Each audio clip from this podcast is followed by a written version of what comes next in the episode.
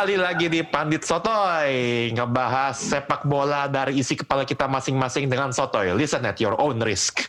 Iya yeah. Liga Champion. Iya. Selesai. Kejutan hmm, Gimana ya kejutannya kalau kata gue Dari materi squad sih enggak lah. Tapi cukup nggak menyangka juga Akhirnya PSG dan Bayern bisa Sampai final. Terutama setelah uh, pertandingan yang cukup berliku-liku ya semifinal sih nggak berliku lah. Perempat final lebih berliku-liku sih di kalau gue bilang ya.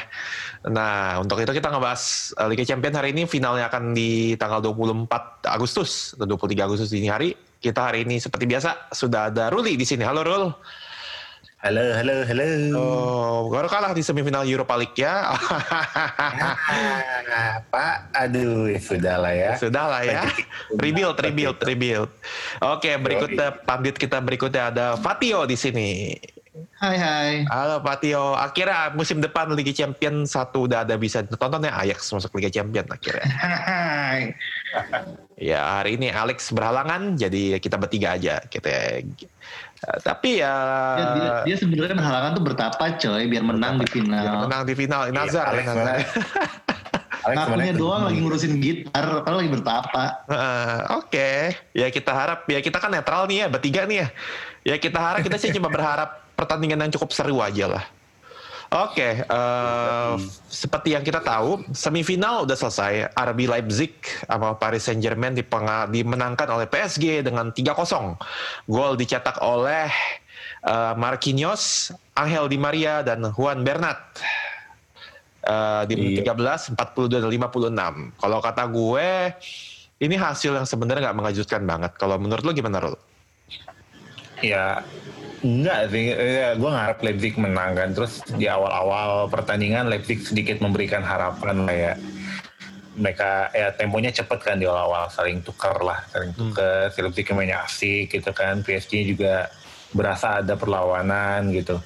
Tapi ya pada in the end ternyata ya kualitas individu PSG ya menang. Gue setuju sih. Di gua-gua lihat Karena kelihatan banget gitu, Leipzig itu cuma kekurangan kualitas individu aja di depan, terutama di depan ya. Ya, Dan kita lihat ya, gilanya tuh Mbappe kan buset dah ya Allah. Dia acak-acak eh. Anjir ini shots on target 9 loh PSG dari total shots 14. Mm-mm. Lumayan konversinya 50 persen. Eh, iya 50 eh 50 persen masih. Berarti berapa ya? Pokoknya tiga tiga dari 9 tiga lah. tuan. Hampir segituan lah. Sementara Leipzig cuma 3 shots on target 14 melenceng. Kalau kata gue sih ya ini sih murni kalah kualitas lah ya Leipzig ya. Ih nggak bisa masuk mereka. Nggak bisa masuk ke kotak penalti gitu, susah banget Itu gitu. nggak seru coy matchnya. Iya seru. itu awal-awal awal-awalnya doang kan ngasih harapan gitu kan ngasih harapan gitu yang wah ini bisa nih Leipzig nih bisa ketika semua udah mulai. Lu, lu lihat lah ya bukan muka mukanya si Julian Nagelsmann tuh udah yang ah anjir. Ya gue mukanya Nagelsmann juga udah ah udahlah emang udahlah belajar aja pelajaran aja. Itu belajar belajar.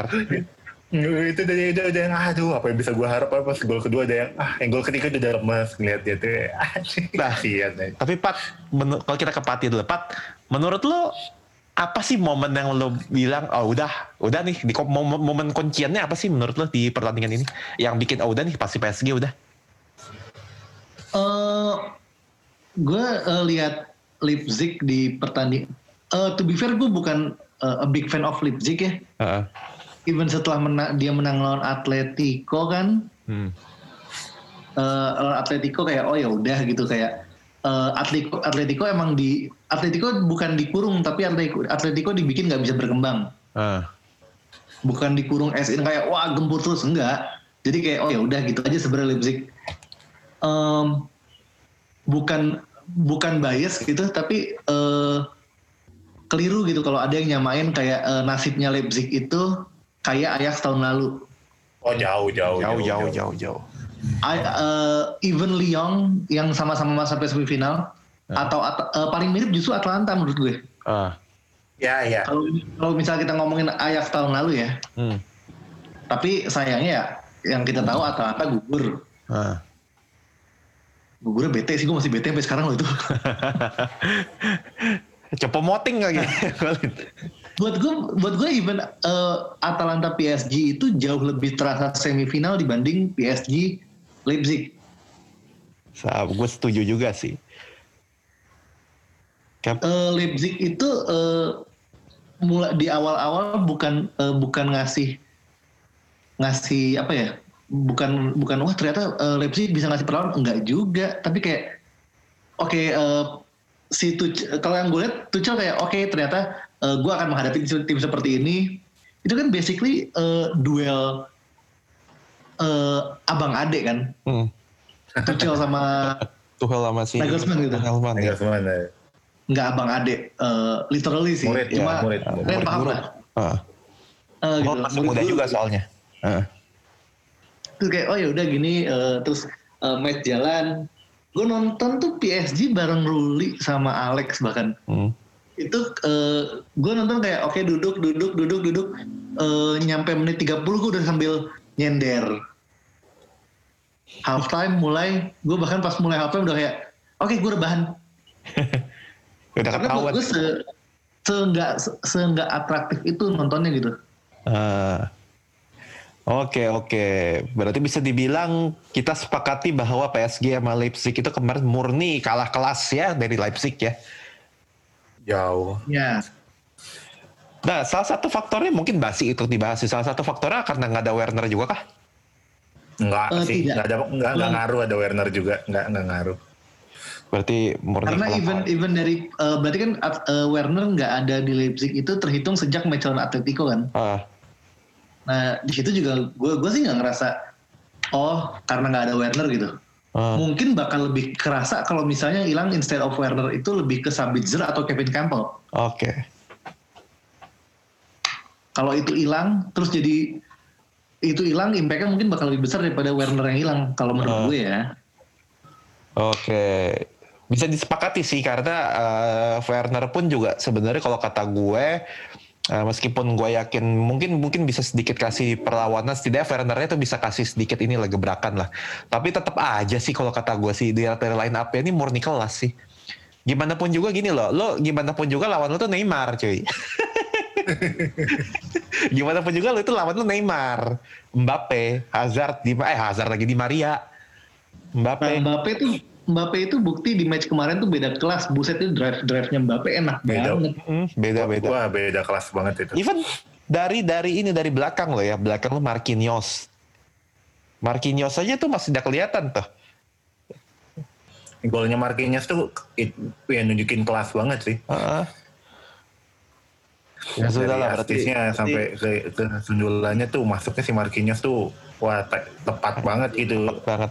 Dan Di Maria masih bertaji cuy 32 tahun. Itu nggak ada obat sih kalau kata gua sih. Maria. Eh, pokoknya intinya PSG Leipzig ini murni kalah kelas ya selamat buat PSG akhir investasinya ya 80% investasi berhasil lah. itu itu, itu tuh gara-gara Buffon udah cabut itu berarti. Iya, oke. Ya, oke. berarti Nagelsmann butuh belajar lagi lah ya. Masih sangat muda, sangat muda. Waktu masa depan Sangat muda. Ya, masa depan masih panjang. Leipzig juga timnya masih muda. Ya mudah-mudahan Upah Mekano nggak cabut buru-buru lah. Masih masih butuh juga dia ini. Ya oke, move on. Berikutnya kita ke Manchester City sama Lyon. Eh, Manchester City Lyon semifinal ya, sorry. Eh, perempat final, sorry, sorry, sorry. Apa? Bayern Munchen Lyon, sorry. Bayern Munchen Lyon dengan skor yang identik 0-3. Dicetak Iya. oleh dicetak oleh pemain yang kata Tony Pulis tidak cukup baik di West Bromwich Albion. I know, kita akan bring this up. Eh, search Gnabry dengan dua gol. Golnya juga, aduh, gak kuat. Dan terakhir eh, golnya juga eh, pencetak gol satu lagi adalah ya siapa lagi kalau Who else? Lewandowski. 3-0 Lyon sama Bayern. Kalau kata gue sih ini dibilangin apa ya? Gue lihat highlight saya jujur aja Lyon sama Bayern. Kalau kata gue eh ya Bayern ini nggak sampai kalah kelas lah kalau kata gue lah. Ini murni Bayern sedikit lebih baik daripada Lyon kalau kata gue sih. Karena Lyon pun juga ya apa ya dibilang bo daripada dibilang kalah kelas itu lebih kalah kayak kalah kalah, kalah taktiknya sih kalau kata gue. Iya nggak sih? Iya iya iya iya betul betul betul betul. betul. Sebenarnya kalau misalnya kita ngomong ngomong kalah kelas, ya kita nggak bisa nggak bisa eh, nggak ngomong itu lah kalah kelas juga iya. Hmm. Tapi well dengan skor yang sama dan statistik yang bisa kalau misalnya kita adalah apa coach Justin suka nyebut pemuja statistik. Oke. Hmm. Kalau misalnya kalau misalnya kita lihat statistik Hmm. Bayern Lyon ini lebih jomplang dibanding Sangat. PSG Leipzig. Heeh. 19. Tapi eh, tapi kalau misalnya lu lihat 70 30 kan. yes eh, ha- hampir na- hampir 70 lebih 60 sekian 66 ya. Sama 34. 66 Oke, dibayar 66, 34. seperti ini. Nah, Ah. eh, dengan eh, statistik yang lebih jomplang ini, tapi gue bisa ngelihat justru Lyon lebih lebih bisa ngasih eh, apa istilahnya perlawanan dibanding Leipzig ke PSG. Kalau misalnya lu eh, nonton atau lihat highlightnya, chance Lyon tuh banyak banget. Iya sih, 9 shot sama 3 Walaupun- shot target. Walaupun Ya kan, banyak bayar. 9 shot. eh, ada yang kalau misalnya lu lihat Ekambi on one sama Neuer, Ah. ada Memphis juga on one sama Neuer. Ah. Well, basically mereka nggak pakai strike, nggak punya striker yang proper sih. Mungkin kalau Hmm. misalnya at least dengan dengan komposisi yang sama, tapi Lyon punya satu striker yang emang striker, mungkin hasilnya nggak akan 0-3. Mungkin 1-3. Heeh. Nggak ada striker sih ya. Kerasa banget gitu. Eh, Dan di karena, sini, well, eh? Memphis basically bukan striker. Heeh. dan di sini lah ketaranya si kualitas Bayern sama Lyon ya, kalau di daya daya gedor ya lini depannya karena jujur aja sih pokoknya Kambi memang menurut gue potensial sih dia bisa eh, apa sih kasih kasih sedikit eh, bikin kocar kacir dikit lah tapi memang ya kembali lagi nggak ada finisher sih kalau kata gue sih di ini terbukti dari shot on targetnya 3, shotnya 9, bayarnya shotnya 19, shot on target 8. Well, ya kalau dari Gnabry sih memang ya eh ini emang emang ini bocah luar biasa lah angkat topi gua. Kalau menurut lo gimana Rul? Pertandingan ini? Ah, itu menunjukkan Bayern tuh emang mesin sih. Gila. Tapi ya mengutip yang tadi kan apa namanya, eh ternyata Lyon ini lebih seru dari Leipzig. Iya, betul, betul banget sih. Cuman ya yang yang gua ingat tuh ya Leipzig itu ketika lawan PSG mereka kesulitan banget masuk kotak penaltinya PSG. Nah, Lyon ini masih bisa masuk kotak penaltinya si Bayern Munchen terus kasih ngasih ya gelitikan-gelitikan lah gitu kan. Tapi satu hal yang gue tandain juga itu Bayern Munchen sejak gol kedua mereka tuh emang kayak ngasih Lyon main gitu, Wah. sok main, sok nyerang gitu. Sampai akhirnya mereka bunuh dengan gol ketiga itu kayak cuma tim dari Jerman yang suka yang bisa kayak begitu gue lihat ya. Hmm. Jadi Bayern tuh bener-bener yang membunuh perlahan gitu loh. Kalau PSG tuh mereka berusaha menyelesaikan pertandingan. Kalau Bayern Munchen secepat mungkin bikin si apa si Lyon sekarat terus mereka tungguin gitu sampai akhirnya dibunuh. Nggak bantai banget ya bener-bener ya gitu. Luar biasa. Jadi mereka mereka juga ngatur pace-nya juga kan karena kan kali ini kan Liga Champions ya baru kemarin main terus kita Senin udah final lagi kan mereka istirahatnya nggak selama Ah. biasanya biasanya masih ada seminggu dua minggu kan. Heeh. Ini kayak Bayern emang sengaja buat nge-pace permainan mereka biar mereka nggak terlalu kelelahan sih kelihatan. Itu kelihatan banget Bayern Munchen mainnya nyantai, ngoper sini, ngoper sana. Mereka agak sedikit membuang waktu. Terus pas Lyon dapat bola juga mereka nggak nge-pressing tapi begitu pemain Lyon maju apa mulai melakukan coba melakukan tusukan atau apa baru mulai diserbu gitu. Ah, Jadi ya oke. gitu, Di- dikasih emang dikasih main, emang dikasih nendang, apa emang emang kelihatan kayak dikasih aja gitu. Ah, Cuman ya oke. abis itu jeda, abis itu gol ketiga aja beres dah, pulang kalian gitu. Tapi ya kalau kata gue sih, tapi entah kenapa ya, kalau gue lihat sih mungkin ya dari segi pertandingan sih eh, kita kan gue sepakat juga sama lo sih tipikal, Bayern sih. Tapi gue lebih tertarik ngebahas eh, individu dari kedua tim ya untuk Bayern sama Lyon sih. Kalau Hmm. eh, Bayern sih ya kita dari Bayern dulu dah Gnabry. Hmm, Gnabry ini menurut gue ya kembali lagi tadi gue udah bilang kan Gnabry itu angkat topi. Kalau kata gue ini skill individunya luar biasa sih kalau kata gue sih. Tapi jujur aja gue tuh gue tuh tidak pernah maksud gue gue itu nggak pernah kayak apa ya nggak pernah ketawa kalau misalnya nggak pernah nggak ketawa kalau dengerin orang ngebril berotap si Tony Pulis bilang kata si Gnabry ini nggak cocok di West Brom.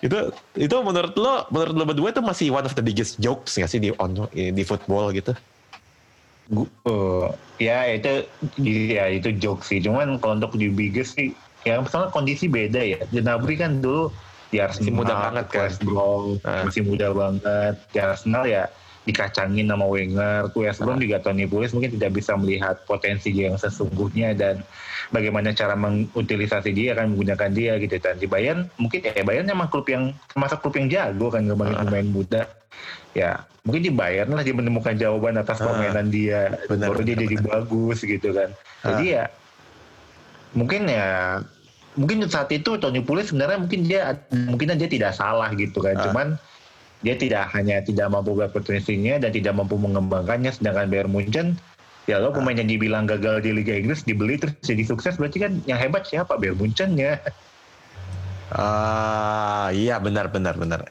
Sesuai juga dengan apa ya maksudnya sepak bola Jerman cocok dengan Gnabry sih kalau kata gue sih. Apalagi dengan gaya mainnya Munchen juga yang mengandalkan winger dengan kecepatan tinggi itu kan. iya Nah, kalau menurut lu gimana, Pat?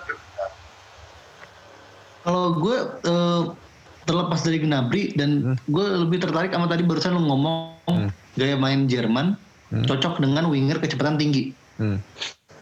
Itu gue justru bikin gue eh, wondering gitu. Kenapa justru Perisic yang naik instead of Kingsley Coman? Hmm. Kayak gue pikir dengan cabutnya Ribery dan Robben itu bakal jadi era buat Gnabry Coman. Ah. Ternyata malah jadi Gnabry Perisic gitu. Perisik ya. Perisik kalau kata gue sih, hmm, gue sih jujur aja sih gue ada agak lupa cara mainnya Perisik gimana ya. Tapi kalau gue lihat sih, Perisik ini masih lebih buat lebih lebih utility sih kalau kata gue sih daripada Koman sih. Plus lebih pengalaman juga kalau kata gue. Pengalaman jelas. Hah. Dan Perisik itu sebenarnya gini gitu loh. Perisik itu kadang-kadang ya, kalau menurut gua dia tuh suka suka apa sih suka kasih gerakan nggak terduga, mah bisa nyetak gol penting juga sebenarnya. Contohnya di final Piala Dunia 2018 meskipun akhirnya kalah kan, atau di apa sih yang kayak apa dengan dia punya stamina nya kan stamina kuda juga jujur aja si Perisik meskipun di Inter ya dia dibuang si Conte karena kan Conte kan nggak suka pemain kayak gitu kan karena dia lebih suka pemain yang wingback gitu istilahnya gitu. Kalau Koman Kalau yang gue perhatiin kalau misalnya cocok logi ya, Hmm. eh, walaupun Koman itu eh, eksplosif, Hmm. gue ngelihatnya ya Gnabry Perisic itu beneran emang pengen bikin Robin Ribery satu winger yang lebih cutting, satu winger yang well lebih assist, Lebih, ah, yang lebih inside ada di Gnabry, yang so called assist itu ada di Perisic. Bisa Kalau misalnya kita membandingin sama eh, winger sebelumnya ya, Ah, in which is Robin Ribery yang sama sama sama kanan kiri gitu. ah. karena Koman, Koman nama kalau kalau misal di Koman dinaikin, Koman nama Gnabry kan rada-rada mirip juga nggak sih? Jadi Betul mungkin sekali. kalau misal Iya. Koman nama. Gnabry, kalau Koman nama Gnabry lu mainin bareng, itu kan alur serangan akan lebih mudah kebaca kalau kata gua. Makanya lo kenapa dikasih dikasih pemain yang benar-benar istilahnya lo lari lurus aja bisa gitu loh, nggak usah belok-belok gitu, kayak Perisic gitu. Ya tipikal pemain-pemain umur segitu kan ya pe- pengalaman lebih banyak pastinya lah gitu kan bisa lebih ngerti lah gitu kalau kata gue Ya, tapi kalau kalau kalau gue lebih mikirnya kayak ketika lu punya dua winger dengan tipe yang sama, Ah. dengan level eksplosif yang sama Ah. di dua sisi, Hmm. lebih kebaca nyerangnya kayak apa. Hmm. Tapi ada di dua sisi. tapi Let's just apa say lu lawan kenapa lu lawan eh, let- eh, misalnya Munchen lawan eh, Liverpool lah eh, Real Madrid itu. Ah. Terus oh yang eksplosif itu ada di kanan Sergei Gna Sergei Gnabry gitu. Ah. Terus oke kita hajar pakai Marcelo, tapi Marcelo cuma ada satu, cuma di kiri. Ah. Sementara di kanan ada Gnabry yang lain, in which is Coman. Gue mikirnya lebih ke sana gitu. Oke. Bisa jadi sih. Ya mungkin buat keseimbangan Munchen memainkan Perisic kali. Kalau kata kalau gue sih juga juga, juga setuju sih Betul. kalau misalnya keseimbangan lah. Daripada karena kan kalau eksplosif gue nggak tahu ke mana sih pertandingan kemarin jujurnya Alfonso Davies pertandingan kemarin gimana? Oh itu cakep sih dia mainnya. Apa eh, kalau gua ngutip kata-kata Alek ya, Hmm. karena gue nontonnya kan kemarin bareng si Alek kan. Hmm. Maksudnya ya kita sambil voice chat lah. Hmm. Eh, apa saja kan karena yang memperhatikan Bayern kan Alek kan. Gue Hmm. gue tidak terlalu memperhatikan Bayern tapi gue senang aja nontonnya gitu kan. Hmm. Jadi si Alphonso Davies itu sangat berkembang. Dulu ya cuma yang bisa lari dan ya lari dan badannya tidak terbentuk sekarang badannya lebih terbentuk dan dia lebih bisa bertahan lebih baik dari sebelumnya gitu Heeh. makanya sih di sisi itu Steve Swart di Alfonso, di Alfonso, di sisi Alfonso Davis tuh lebih kayak keskakmat karena kekejar gitu ajak lari Ah. kekejar dan mencoba diterobos dengan skill individu si Davisnya mampu membaca sekarang gitu jadi ya Ah. berkembang sih berkembang banget kalau Ah. kalau gue ngerti pada kata Alek tapi emang Luar biasa gue ya. ya emang seperti itu si Davis tuh ya Bayern tuh Davis ini emang salah satu eh, apa nama ajaib di season ini sih. Ya. Karena buat gue, eh, untuk gue yang eh, gue cuma merhatiin beberapa liga ya, Hmm. in which is berarti eh, liga-liga top aja gitu, Inggris, Spanyol dikit-dikit, Italia of course, eh, Belanda of course. Buat gue eh, apa back kiri Hmm. yang bisa dibilang season ini itu adalah seasonnya dia itu cuma dua nama. Alfonso Davies sama Theo Hernandez. Ah. Bedanya Oh iya, Theo. Hernandez nggak bisa balik. Ah. Sementara Alfonso Davies even, eh, even though le- level defense-nya juga belum sekelas Alaba pada masanya, Ah. tapi eh, tapi eh, apa eh, powernya dia itu bikin dia jadi balik ada di tempat walaupun dia belum tentu bisa ngeberhentiin paling enggak orangnya ada di situ gitu loh. Hmm, hmm, hmm. jadi kayak eh, kayak kayak lu pada lu pada nonton eh, lu berdua nonton Munchen Barca kemarin Yang si Semedo. Yang Semedo lah yang Messi itu kan kayak eh itu kayak lu lu bu- menit berapa eh, menit berapa lu lihat dia ada di mana beberapa detik kemudian dia udah di sisi lain lapangan gitu loh Iya, itu, itu sadis sih. Sadis. tinggal apakah dia stabil atau enggak Wadaw, Alfonso Davis ya. Eh, ini salah satu wonderkid Liga Champions. Ya, setengah season Liga Champions saya bisa dibilang ini. Soalnya Davis dari dari sebelum masa sebelum masa pandemi juga udah Iya. kelihatan banget kan dia. Tapi ya mungkin Barcelona sih yang meng apa sih mengukuhkan dia gitu kalau kata gua. Bar- Barcelona memberikan dia ruangan. Iya betul betul. Ya intinya pertandingan kemarin Bayern Munchen ya selamat buat Bayern Munchen. Sekarang kita ke Lyon sih. Uh, Lyon ini sebenarnya kan kalau kata gue uh, seperti si uh, Ruli atau tadi bilang katanya mungkin dia nggak sepa walaupun se nggak berasa tidak sekalah kelas PSG tapi dia masih kasih perlawanan dikit ya atau kalau kata Patio kurang striker gitu ya. Nah kalau misalnya di Lyon uh, ada satu nama yang sebenarnya gue tertarik banget dari FM taunya gue tentu tahu. Ya gue rasa lu pasti tahu lah siapa yang akan gue sebut. Ada Hakim Awar. Ini menurut Ah. lo Hosem Hosem eh Hosem atau Hakim sih namanya sih? Hosem Hosem Hosem Awar ya? Oke. Oke. yes Hosem Awar. Oke, ada Hosem Awar yang gua sempat agak Inter- terkejut kalau ngomongin FM yang lu sebut adalah Awar Ah, gue pikir malah Bruno Awar gue. Bruno malah belum pernah lihat gue justru. Bruno Guimares kan? Belum pernah Yes. tuh di FM. Gue selalu, soalnya gue selalu pengen, gue selalu cari Awar dan itu selalu dibeli Manchester City di FM gue. Menurut lo nih bocah istimewa gak sih? Atau masih butuh digodok lagi? Ya. Mana ya? Kalau dia di Liga Jerman sih gue bilang berpotensi sih. Cuman kalau masih di Liga gue bukan meremehkan Liga Prancis sih. Cuman eh tapi dia di Lyon sih. Dia di klub yang tepat sih. Hmm.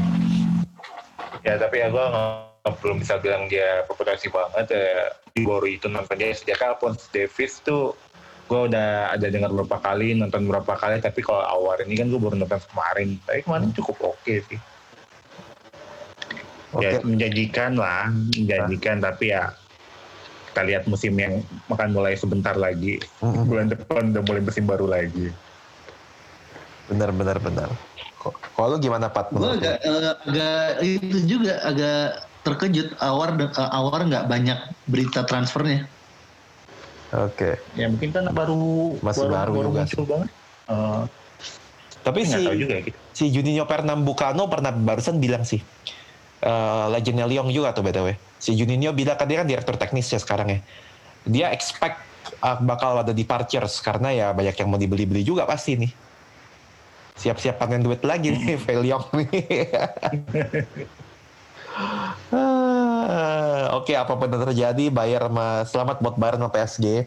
Nah sekarang uh, kita nggak bahas finalnya aja deh, ya. Uh, sebenarnya dari final Liga Champions kali ini Bayern Munich lawan PSG ini ada beberapa topik yang didengungkan. Pertama nomor satu itu Farmers League atau Liga Petani. Itu satu yang menarik gue. Kedua, mungkin yang kedua itu sebenarnya nggak banyak orang nggak banyak belum mungkin gue belum lihat juga sih belum banyak yang membahas bahwa sebenarnya ini akan jadi pelatih duel pelatih Jerman sepak bola Jerman pemenangnya gitu.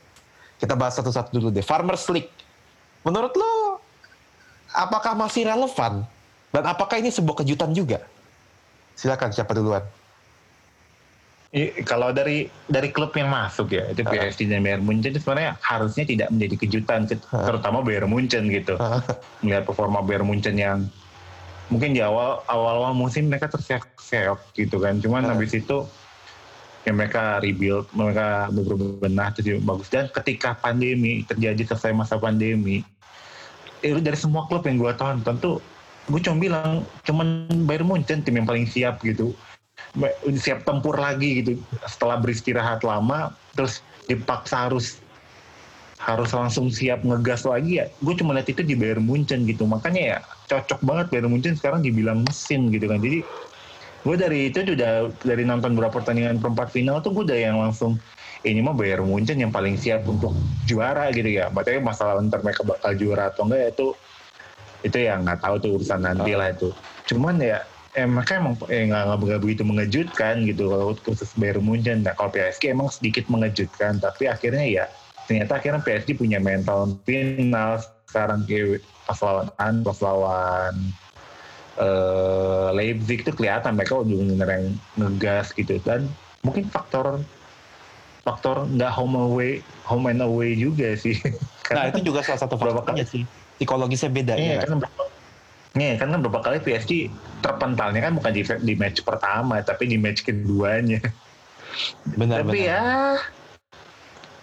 secara materi mah tidak mengagetkan, cuman ya secara apa yang terjadi selama tiga tahun belakangan ini yang di mana mereka selalu terdepak dengan spektakuler ya akhirnya ya bisa kali ini mereka berhasil masuk uh, mereka masuk final bisa lah tapi ya dan emang materi mereka mendukung dan ya, berada di usia matang. Nah, tidak mengejutkan gitu. karena materi mendukung lah ya istilahnya gitu lah ya. Iya. Kalau menurut lu gimana kalau Kita, eh sorry sorry lanjut lanjut sorry. Kalau kata eh, kalau kita kalau kita mengat eh, kalau kita ber, apa, mengacu ke Farmers League gitu kan liga para petani liga yang pakai buat greening ya itu sebenarnya salah Bayern Munchen dan PSG. I see, I see. Karena mereka terlalu mendominasi, terlalu mendominasi. jadi orang menganggap menganggap menganggap remeh menganggap remeh liga yang lain ya, gitu. Kan? Padahal kalau gue lihat Jerman itu sebenarnya tidak seperti itu banget karena Bayern Munchen tuh bisa dikalahkan sama tim yang di bawah banget gitu kan. Uh. Berarti sebenarnya kualitas tim-timnya tuh oke okay, gitu ya, oke okay lah gitu. Kita lihat bisa Leipzig aja bisa sampai quarter final, eh, eh bisa nyampe semifinal gitu kan terus uh, ya performa tim-tim Jerman tuh biasanya selalu menyulitkan gitu ya. Meskipun ya, ada kesenjangan sosial yang tinggi antara Bayern dan yang lain tapi yang lain itu masih ya terbuktinya Munchen bisa seok-seok dulu di awal kan nggak ya. Kalau cuman kalau timnya itu benar-benar tidak mampu membuat Bayern terseok-seok ya selain memang faktor Bayernnya sendiri ya itu emang kualitas liganya gitu. Sebenarnya tidak seburuk itu gitu. Nah, Prancis juga sama sebelum PSG menjadi klub yang kaya seperti itu dan berbelanja hebat-hebat seperti itu dan apa dengan pemain-pemain yang kualitas tingginya itu yang ngeluarin duit jor-joran Mbappe, Neymar segala macam Lyon sendiri gitu sebelumnya adalah tim yang paling menyulitkan di Liga Champion gitu berapa uh. kali gitu gue kalau udah misalnya tim favorit gue ketemu Lyon tuh udah ada takut-takut aja wah Lyon nih serem nih. Apalagi zamannya Juninho kan wah itu oh. kacau.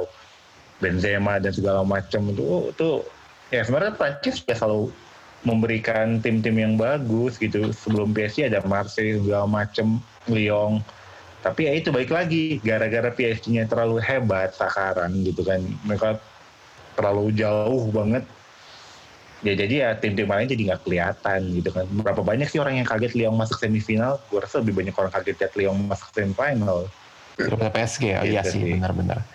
Oke. Ya, kalau kata gue sih cukup perwakilan dari Farmers League ya akhirnya.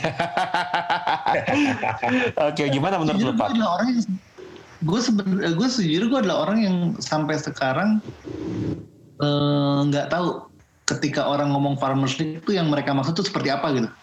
Ya betul juga. Gue juga sebenarnya Pengertian- apa ya? pengertiannya apa nih? Liga Petani. Farmers League Apakah maksudnya apakah maksudnya eh, liga nggak populer kalau gitu berarti mungkin eh, liga Austria bisa di- liga Austria juga farmers league gitu misalnya ataukah eh, maksudnya adalah eh, sa- ada satu tim yang dominan Hmm. terlalu dominan mungkin lebih tepatnya Hmm. kalau misal ngomong kayak gitu berarti liga Italia yang farmers league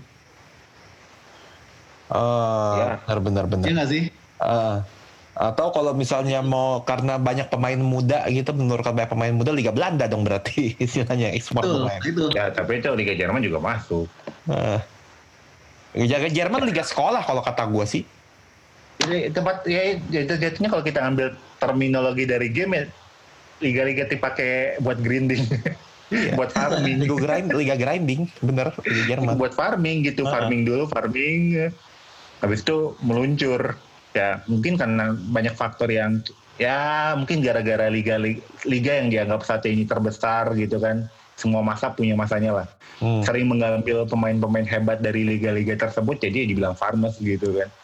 Ya setelah pemainnya jadi di situ baru ditarikin, baru ditarikin, baru ditarikin. Liga Inggris tahun 90-an juga farmers kok hitungannya sebenarnya. iya, ke farmers ke Liga Italia dan Liga Spanyol kan. ya sekarang eh, berapa tahun ke belakang juga Liga Liga Italia jadi farmers karena eh, Verratti, Eh, Immobile. Terus tahun ini mau Tonali, ya kan? eh, Terus eh, siapa yang di Monaco? Pietro Pellegrini. eh. Ya banyak gitu. Terus Ya. oh Lavezzi, Cavani. Pastore Kan juga juga. PSG. Eh, Pastore gitu. Ya, well.